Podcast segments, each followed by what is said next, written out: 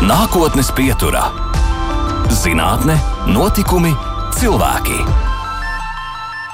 Labvakar, nākotnes pieturā studijā Baiba. Un šķiet, ka pēdējā laikā pasaule kļūst ar vien mazāka. Un ne jau tikai tāpēc, ka daudzas tālas valstis klātienes ceļojumos skatīt savām acīm. Diemžēl arī tam dēļ, ka satraucošie pasaules notikumi un pavērsieni ieņem aizvien lielāku vietu gan ikdienas ziņās, gan arī mūsu domās. Nākotnes pieturā mēs runāsim par tuvajiem austrumiem, un tomēr nevis par tiem brīnumainajiem, kurus eksotiskajos un neticamajos seno arābu, persiešu, indiešu, ebreju un eģiptiešu stāstos varam iepazīt tūkstoši un viens nakts pasakās. Tie tā ir izlase, kuru savulaik veidojuši daudzi autori, tulkotāji, pat pētnieki dažādās rietumu, centrālās un dienvidāzijas, arī Ziemeļamerikas, Ziemeļāfrikas zemēs. Um, bet, diemžēl, nu jau kopš 7. oktobra tuvie austrumi nevienas satricinājuši, bet pat sašķēluši visu pasauli un radījuši visplašāko emociju un reakciju vilni. Bailes, neziņu, bažas, līdzjūtību, nosodījumu, mītīņus, protestus un tā tālāk censies izprast, skaidrot un paraudzīties uz šo situāciju vēsturiskajā kontekstā un ne tikai. Nākotnes pieturā palīdzēs Latvijas ārpolitikas institūta tuvo austrumu pētniecības programmas vadītāja, Rīgas Stradiņu universitātes vieslektore zinātņu doktora kandidāte politikas zinātnē un starptautiskajās attiecībās Sintīna Broka. Labvakar! Labvakar! Paldies, ka jūs ieradāties, jo, jo es saprotu, ka šobrīd jūs esat pēdējā laikā ārkārtīgi pieprasīta dažādos mēdījos un dažādās televīzijas stacijās, radiostacijās, internetu portālos un tā tālāk. Paldies, Paldies ka uzveicinājāt! Un, lūk, nu jā, jūs esat, jūsu akadēmiskās intereses saistīts ar tuvajiem austrumiem, to politiku, ekonomiku, reliģiju, arī Persijas līča reģionu valstu ārpolitikas pētniecību. Jūs esat studējis starptautiskās attiecības, ekonomiku, diplomātiju un cilvēktiesības ne tikai Latvijā, bet arī Maltas universitātē, bet arābistiku Vašingtons tuvo austrumu politikas institūtā arī bijis viespētniece Beļ Beļģijā, Gentas universitātē. Kas ir arābistika? Arābistika ir ārkārtīgi plašs jēdziens. Eh, mans fokus bija tieši uz valodu, uz, uz valodas apgūšanu, ko es savulaik sāku Rīgā. Eh, pašmācības ceļā, un tad nevalstisko organizāciju iesaistē, arī, arī, arī mēģināju Latvijas universitātē attīstīt šo spēju. Tad, tad, tad, pateicoties Covidam, bija daudz vairāk brīvā laika. Tad, tad arī Vašingtonas to austrumu institūts deva šīs iespējas attīstīt tieši arābu valodas zināšanas. Bet mm. arābistika kopumā nu, tā būtu zinātne par gan kultūru, gan arī, protams, saikni ar reliģiju, mm. to starp arī valodu, kultūru vēsturiskais konteksts, tāds, tāds plašāks, plašāks reģions. Jūs runājat arābu valodā? Es nerunāju arābu valodā, nē, tas ir Bet saprotat, droši vien. Es, es, es ļoti, ļoti uh, niansēta. Tas, uh, nu, kā ar jebkuru valodu, mm -hmm. protams, tik līdz viņu nepraktizē un tik līdz ar viņu nerunā, tā, protams, tās zināšanas ļoti strauji, ļoti strauji sarūk. Un tas arī, protams, bija mans gadījums, kad nu, nepietiek jau viena lekcijās apgūt valodu, kad pietrūks jau tomēr tās spējas ikdienā komunicēt ar sev apkārt esošajiem cilvēkiem arābu valodā. Mm -hmm. nu, šajā ziņā, diemžēl, mēs šeit Latvijā esam pietiekami ierobežoti mums ir cits iespējas attīstīt citas valodas zināšanas, bet ar arābu valodu nav tik viegli. Bet eh, tas, tas no šobrīd noteikti nav galīgi apstādināts, tas ir iepauzēts varbūt, un tad attiecīgajā brīdī eh, var tikt turpināts, jo kaut kāds pamats jau ir izveidots noteikti. Visai interesanti. Bet uh, par arābu valodu vēl mazliet runājot, tad arī tā rakstība ir ārkārtīgi vispār sarežģīta. To, to arī jūs centāties tajā ielauzīties. Nu, ja man šobrīd ir, es es varu izlasīt, kas ir arābu mm. tekstā rakstīts, bet es nevarētu saprast līdz galam, kas tur ir rakstīts. Tā, kā, tā matemātika, kas slēpjas rakstībā, to man savā ziņā kaut kādā brīdī tas man nāca viegli. To es, to, to es, lai arī matemātika pati par sevi nav man tuvākā zinātne, bet tā matemātika slēpjas tieši valodā un rakstībā. Tā man kaut kādā ziņā iesēdās, un, un, un es viņu sapratu. Tā man nāca viegli, kas saistās, protams, ar valodas bagātināšanu, ar, ar, ar vārdu krājumu bagātināšanu un, un ar sadzirdēšanu uh, valodas, tas, tas, tas, uh, tas nācās mazliet lēnāk. Šie tuvie austrumi, tās arī ir ļoti ir kultūra bagātas īstenībā zemes un valstis, un arī viens no pirmajām arī civilizācijām daudz viet. Šobrīd šī situācija ir tāda, kā ir, un, un droši vien, ka jūs jau arī no sava viedokļa, no sava izglītības viedokļa, cik daudz jūs esat studējis un arī apguvis un pētījis, droši vien arī šo situāciju, kas notiek šobrīd Izrēlā un Palestīnā, kā tā vēsturiskā situācija ir izveidojusies, ja jūs varētu savu skaidrojumu arī mūsu klausītājiem. Nu, ziniet, mm, ārkārtīgi sarežģīti, jo mēs Rīgas Traņu universitātē mums ir maģistūras kurs reliģijas un politikas loma tuvo austrumu reģionā, kas ir viena mēnesi garš, un arī pēc tā mēneša mums rodas tikai tāds viegls priekšstats par to, kas notiek reģionā, un tas noteikti pieprasa mm, vēl daudzu gadu uh, studēšanu un, un, un sekošanu līdz notikumiem. Uh, tas noteikti nav apstājies, tas noteikti ir process, kā arī jebkura cita zinātne, protams, uh, kas ir jāturpina attīstīt. Bet, nu, protams, šī sarežģītība tur ir. Sarežģītība saistās, protams, nu, tā vēsture arī, cik tālu vēsturē mēs gribam iet, ja, bet nu, tādu moderno laiku vēsturē mēs, nu, mēs skatāmies uz Osmaņu impērijas ietekmi tuvu austrumu reģionā pēc Osmaņu impērijas sabrukuma, protams. Tas ir 20. gadsimta sākums. Jā, jā, mhm. jā. Pēc tam, protams, arī Francijas, Lielbritānijas ietekmi, kā šī, šis reģions tika sadalīts starp šīm kolonizācijas varām. Un tad laiku, kurā, protams, sāka dzimt nacionālisms šajās valstīs, Turcijā, Tunisijā, citvietā citviet reģionā. Protams, arī mēs raugāmies uz reģionu karti, ja tad ļoti skaidri uh, novilktas robežas, ja, kas arī ir, protams, uh, Eiropas pirksts, Lielbritānijas pirksts, ja, kas sadalīja šo valsti, neraugoties uz tur pastāvošo reliģiju sadalījumu. Ah, Eiropa bija tā, nevis Amerika. No, uh, jā, jā uh, Eiro, uh, Lielbritānijas, uh, Lielbritānijas Saiksa Pikosa uh, līgums. Uh, arī 20. gadsimta sākumā sadalīja šīs valstis, valstu teritorijās, kā jau minēju, neņemot vērā reliģiju, kāda tur dominē, neņemot vērā etnisko sadalījumu, un kas nu, tādā modernā laika vēsturē mēs varam skaidrot, nu, ka tas ir viens no konfliktu veicinošajiem faktoriem, bet, nu, protams, ne tikai. Reliģija, reģions ir arī, protams, trīs vadošo reliģiju dzimšanas, dzimšanas vieta, ja kristietībai, islāmam, jūdeismam. Tad tur ir gan uh, kopīgi elementi, gan arī, protams, sadursme. Mm, ja mēs raugāmies uz islāmu, tad, protams, arī islāms nav tāda ļoti monolīta reliģija, ja ir daudz dažādi atzari. Un, un ja stu, uh, detalizētāk studē, tad, protams, arī ir jāmāk nošķirt no tāda akadēmiskā viedokļa, kas ir ticība un kas ir reliģija, un, un, un, un, un kā šīs divas jomas savstarpēji veidojās. Un, protams, uh, kā uz ticības pamata daž, dažādas cilvēku grupas, nevalstiskās organizācijas uz savu, savu ideoloģiju pamata, reliģijas vārdā veido grupējumus, veido teroristiskās organizācijas. Un, protams, sāk, atspaidu mēs redzam arī, arī šobrīd un visā pasaulē. Mm -hmm. Tāpat arī naftas sektors, ja, kas ir ārkārtīgi mm -hmm. būtisks reģionā populācija kopumā, un atgriežoties arī pie reliģijas, ja mēs raugāmies, kāpēc ir būtiski izprast varbūt šo, šīs ticības un reliģijas ietekmi uz reģiona sabiedrībām un tom, kā, uz to, kā viņi domā par, par notiekošo. Ja mēs raugāmies, kas, kas ir visstraujāk augošā reliģija pasaulē, tad tā ir tieši islāms. Vēl pirms tam ir tikai, ja to var devēt par reliģiju, nu negluži tad ir sekulārisms, jā, respektīvi pārliecība, ka reliģijai nevajadzētu ietekmēt mūsu mm. uh, sabiedrības uh, ikdienu. Līdz ar to nu, tie ir tādi ļoti fundamentāli aspekti, ko tā ļoti īsi nevar izskaidrot. Mm. Ļoti, nu, viņi ir jāņem vērā. Un, protams, mm, bez šiem aspektiem arī uh, starpvalstu attiecības uh, ir mums reģionā valstis, kurām nav savas uh, valsts etniskās grupas, kurām nav savas valsts, mums ir Kurdistāna, tāpat arī Palestīnas tauta. Tad mums ir ļoti, ļoti nabadzīgas valstis, kā Jemena, un mums ir ārkārtīgi pārticīgas valstis, kā apvienotie Arābu Emirāti, piemēram. Ja? Un, milzīgi kontrasti. Mil, milz, milzīgi mm. kontrasti, absolūti, kas, kas, protams, to ikdienas savstarpējo miedarbību vēl jau vairāk sarežģīja.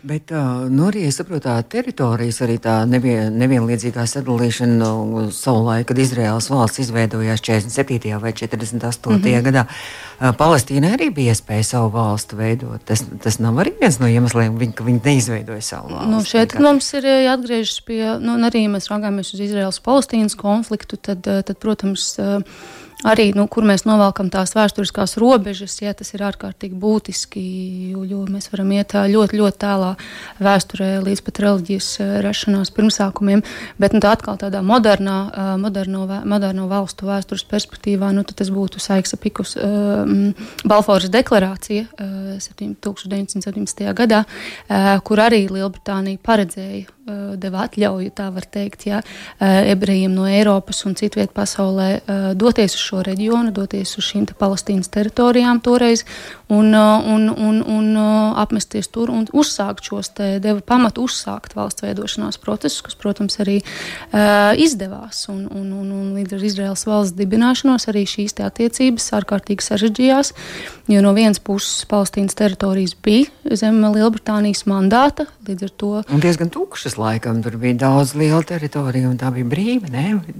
Nu, grūti tā, to, mums šķiet, tā, tā, mums šķiet, protams, bet, bet nu, nu, no Palestīnas puses raugoties, protams, te, šis te Lielbritānijas atbalsts un arī pārējie citu rietumu valstu atbalsts Izraels valsts dibināšanai sēja tādu ļoti lielu aizvainojumu sajūtu. Protams, mm -hmm. ja, nu, no vienas puses jūs mandāta ietvaros, protams, Palestīna parā, paļāvās uz Lielbritāniju, jo nu, Lielbritānija ļoti lielā mērā nodrošināja Palestīnu ar, ar visam, visām nepieciešamībām, kādas pienāks tāda, tāda veida apstākļos. Nu, līdz ar to tas aizvainojums, protams, sākās jau tur, kad, kad, kad, kad šī zeme tika piešķirta un ka Izraels valsts tika dibināta. Kaut gan arī samērā loģiski, tagad iedomājas, mums arī varētu teikt, tur kurzemē, piemēram, tur daudz meža, daudz brīvas teritorijas, varbūt atdosim kādai citai valstī, tur citie, citi nevis valstī, bet nu, kādiem citai tautībai, lai viņi tur iemitinās un arī dzīvo. Tas jā. mums arī droši vien nepatīk. Nu, nu, droši vien, jā. Nu, Nu jā, tas, tas, tas uh, ir grūti tā pāris teikumos to visu to aptvert un, un, un izmērīt. Jo, protams, nu arī tagad, pēc 7. oktobra, mēs redzam, cik ārkārtīgi dažādas vēstures robežas mēs sabiedrībā velkam un, un, un, un, un, un, un cik ļoti daudziem tas ir personīgi. Un, protams, arī ebreju vēsture eh, ir ārkārtīgi smaga šeit, Eiropā, kur arī mēs ļoti labi zinām un, un, šī, un apzināmies arī savu, protams, līdzatbildību šajos visos notikumos. Līdz ar to, protams, nepavēlts tas ir nu, viens no sarežģītākajiem mm. pasaules konfliktiem, kurš ilgst jau no Izraels valsts dibināšanās uh, aizsākumiem. Ja? Un, uh, un, un tas labais un sliktais sociālajā zinātnē, politikas zinātnē ir tas, ka nav jau pareizās atbildes.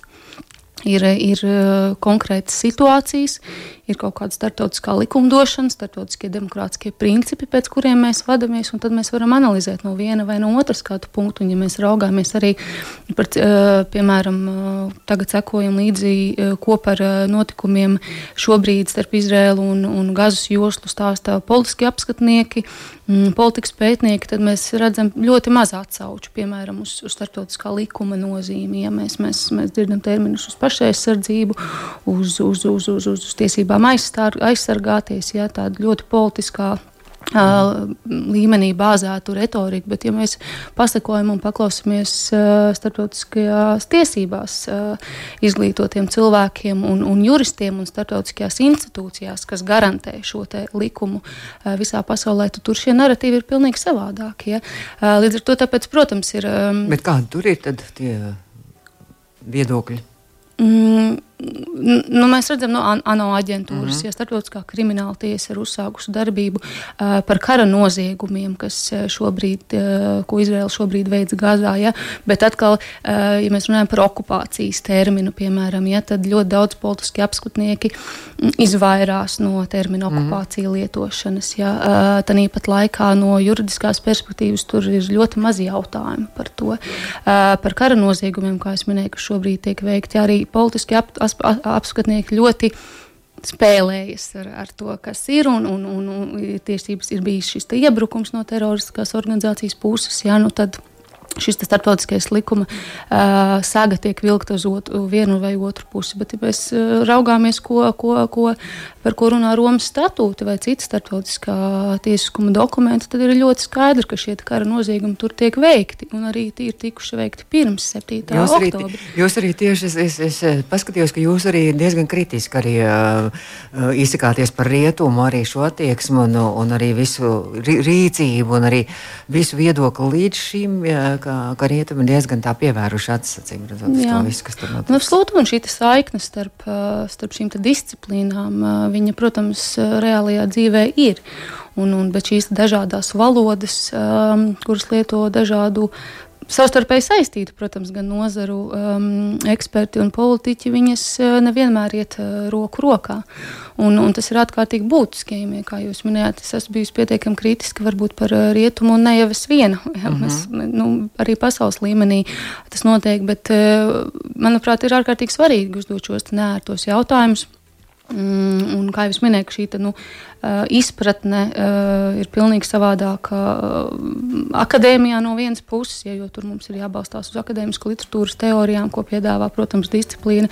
Tad ir politiķi, tas līmenis, ja, kurš, kurš, protams, ir atbildīgs savu vēlētāju priekšā, un, protams, tur prevalē citas intereses, un nevienmēr tās intereses, kas sakņojas akadēmijā vai, vai starptautiskajā likumdošanā. Ja.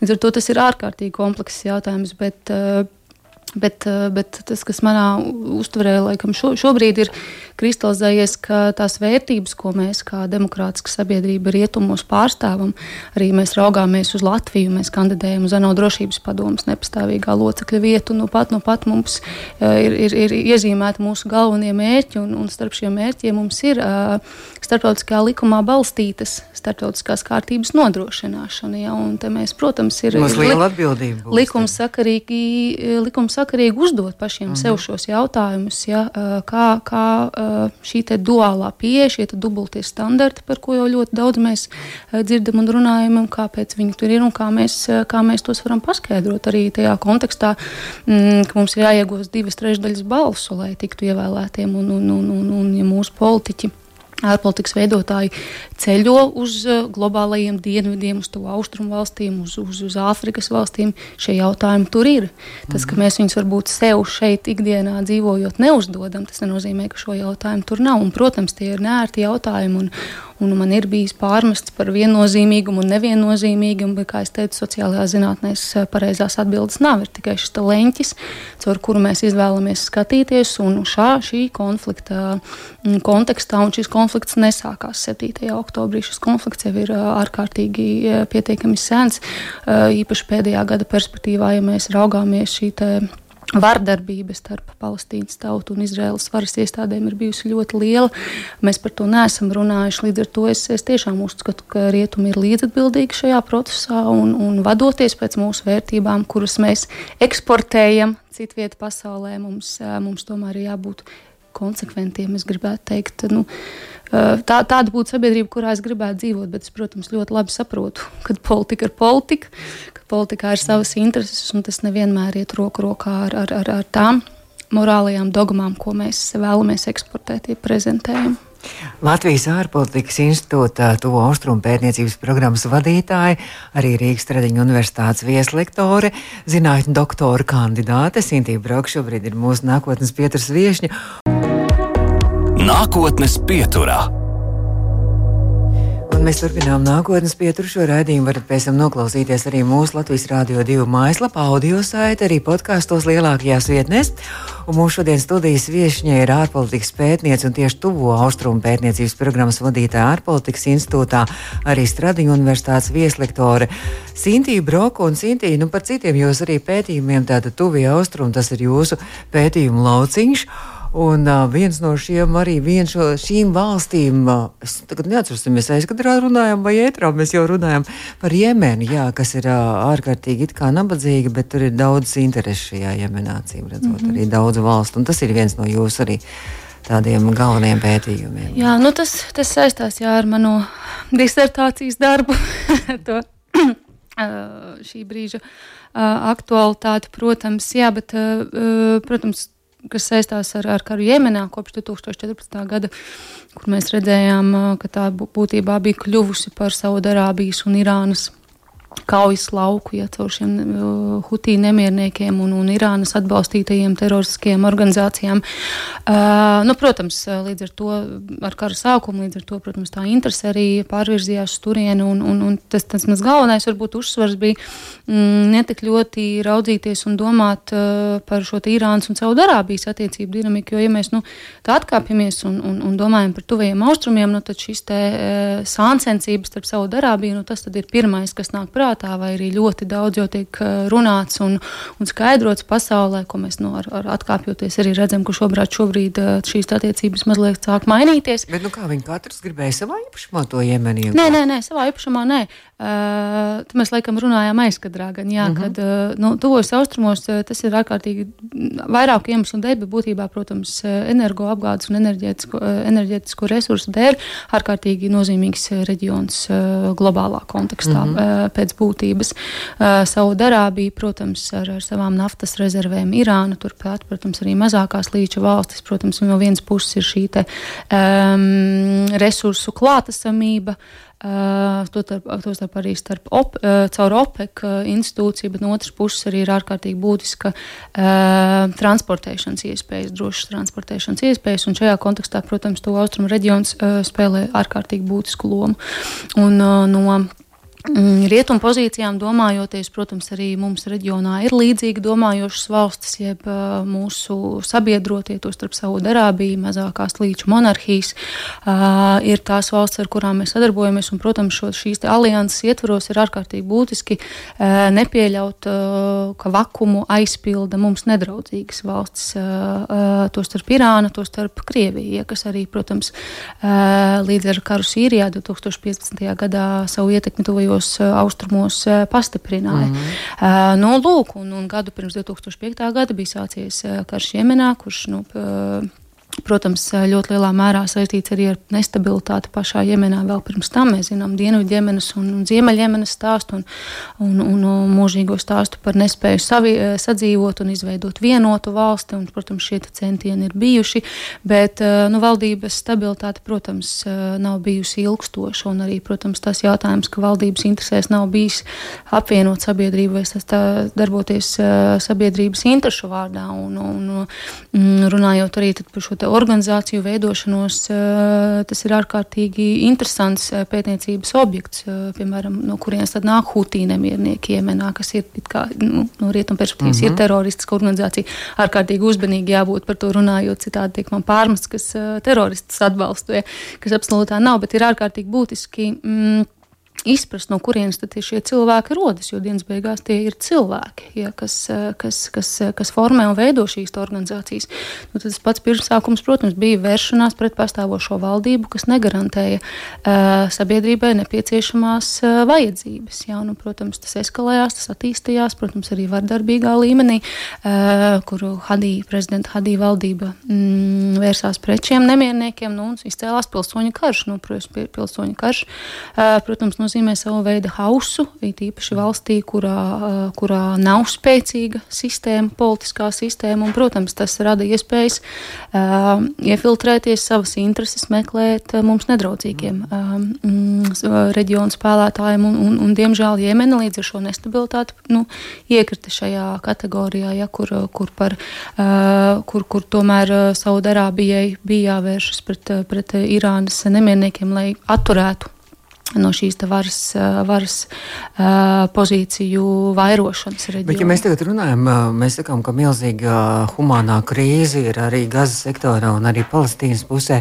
tad tur, tur bija vēl lielāka droši vien tajā bija laikā. Lielāk. Joprojām droši vien arī turpinās, ko mēs Turpinās, nepievēršam mēs, uzmanību. Ja mēs raugāmies uz, uz top 10. Uh, uh, mm, humanitārajām katastrofām pasaulē, tad mums ir, ir, ir Āfrikas valsts, uh, mums ir Afganistāna, mums ir uh, Jemena. Mm. Un, uh, es pieļauju, ka arī šobrīd mums ir noteikti Gazas reģions. Ja.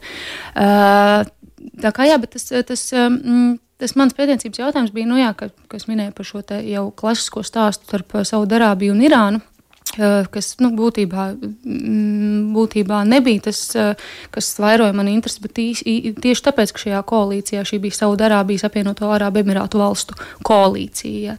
Mm, kopā ar rietumu atbalstītājiem, tad tieši mazo valstu perspektīvas, kāda ir mazo valstu loma šajā konfliktā, īpaši apvienotā Emirātu loma, kā, te, kā tiek pieņemti lēmumi, kā šos lēmumus ietekmē reliģiskie. Un tad mēs atkal atkāpjamies uz tādu tīrāku akadēmiju, tad mums ir ārkārtīgi daudz teorijas, kuras attīstās, protams, un, un, un pēdējo laiku vēsturē nav bijis daudz teoriju, kurās tiktu pieminēta, ja vērā ņemta reliģija reliģija.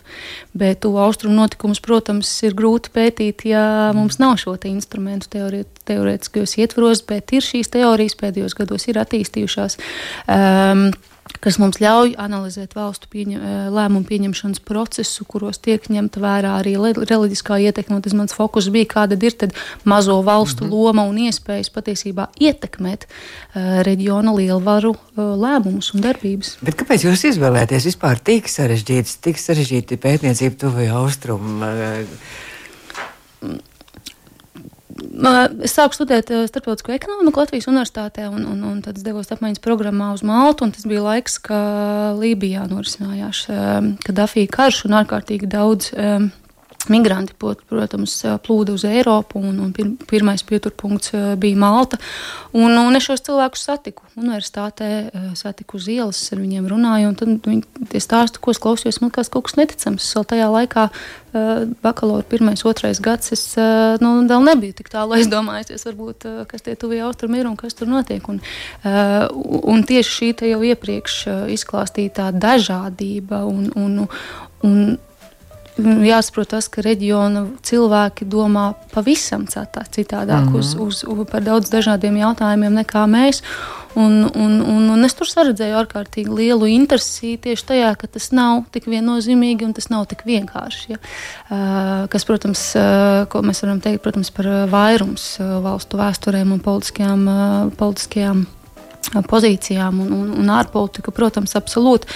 Bet, eh, bet es teiktu, tomēr, ka varbūt šī personīgā saikne ar šiem cilvēkiem eh, man, man ievirzīja to, to interesi, to interesi tieši par reģionu. Tieši tāpēc, ka tas ir tik sarežģīts, tieši tāpēc, ka tur ir tik ārkārtīgi daudz faktoru, kas savstarpēji miedarbojas.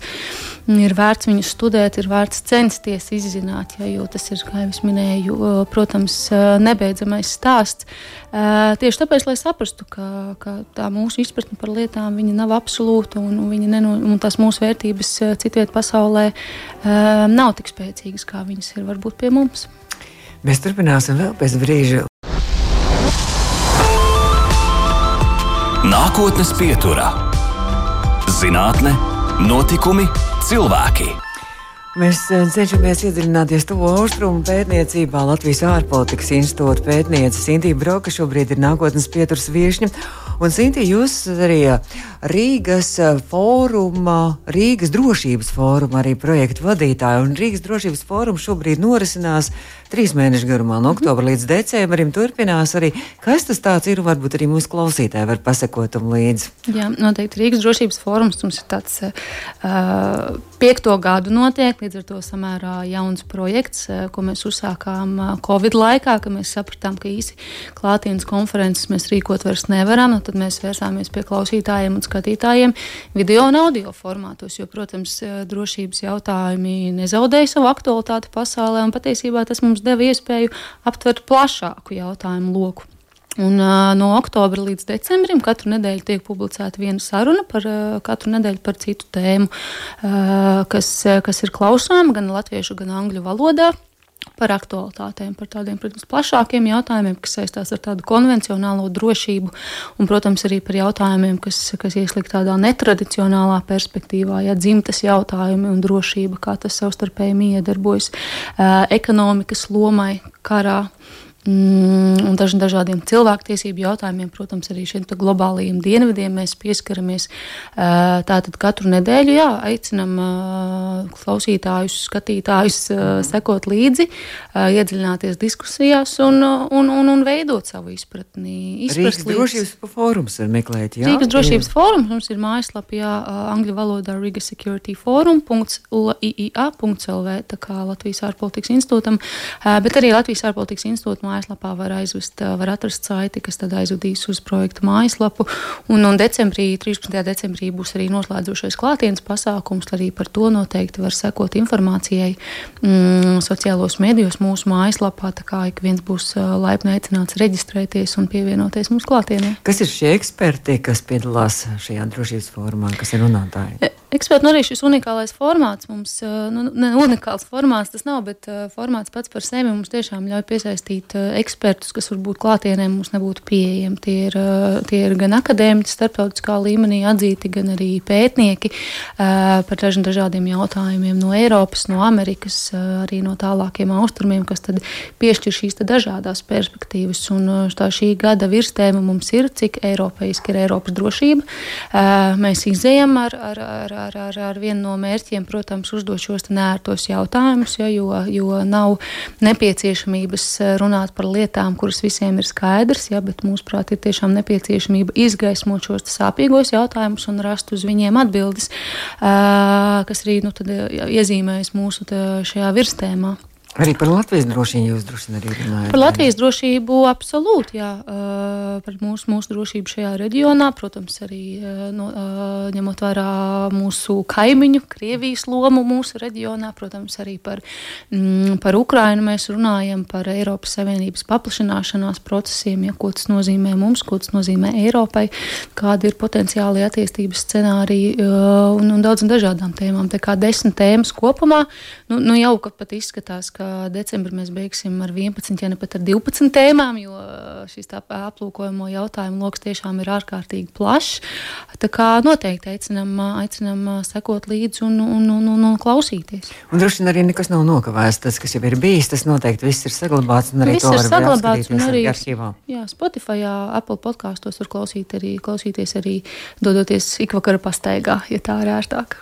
Man jāsaka liels paldies, ka jūs atvēlējāt laiku šajā svētku nedēļā un šajā trakajā nedēļā arī ierasties šeit Latvijas Rādio 2 nākotnes pieturā Sintī Broka, mūsu studijas viešņa. Sintī, kāds ir jūsu novēlējums? Nu, pēc divām dienām Latvijai ir 105 gadu jubileja, ko jūs gribētu novēlēt Latvijai mūsu klausītājiem? atrast iekšējo mieru un, un, un, un, un novērtēt pašiem sevi, novērtēt sev apkārt esošos cilvēkus. Mēs esam maza tauta, mums ir sava valsts.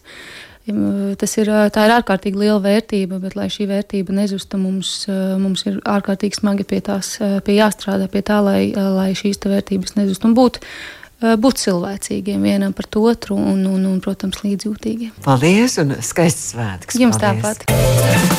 Izskan nākotnes pieturā.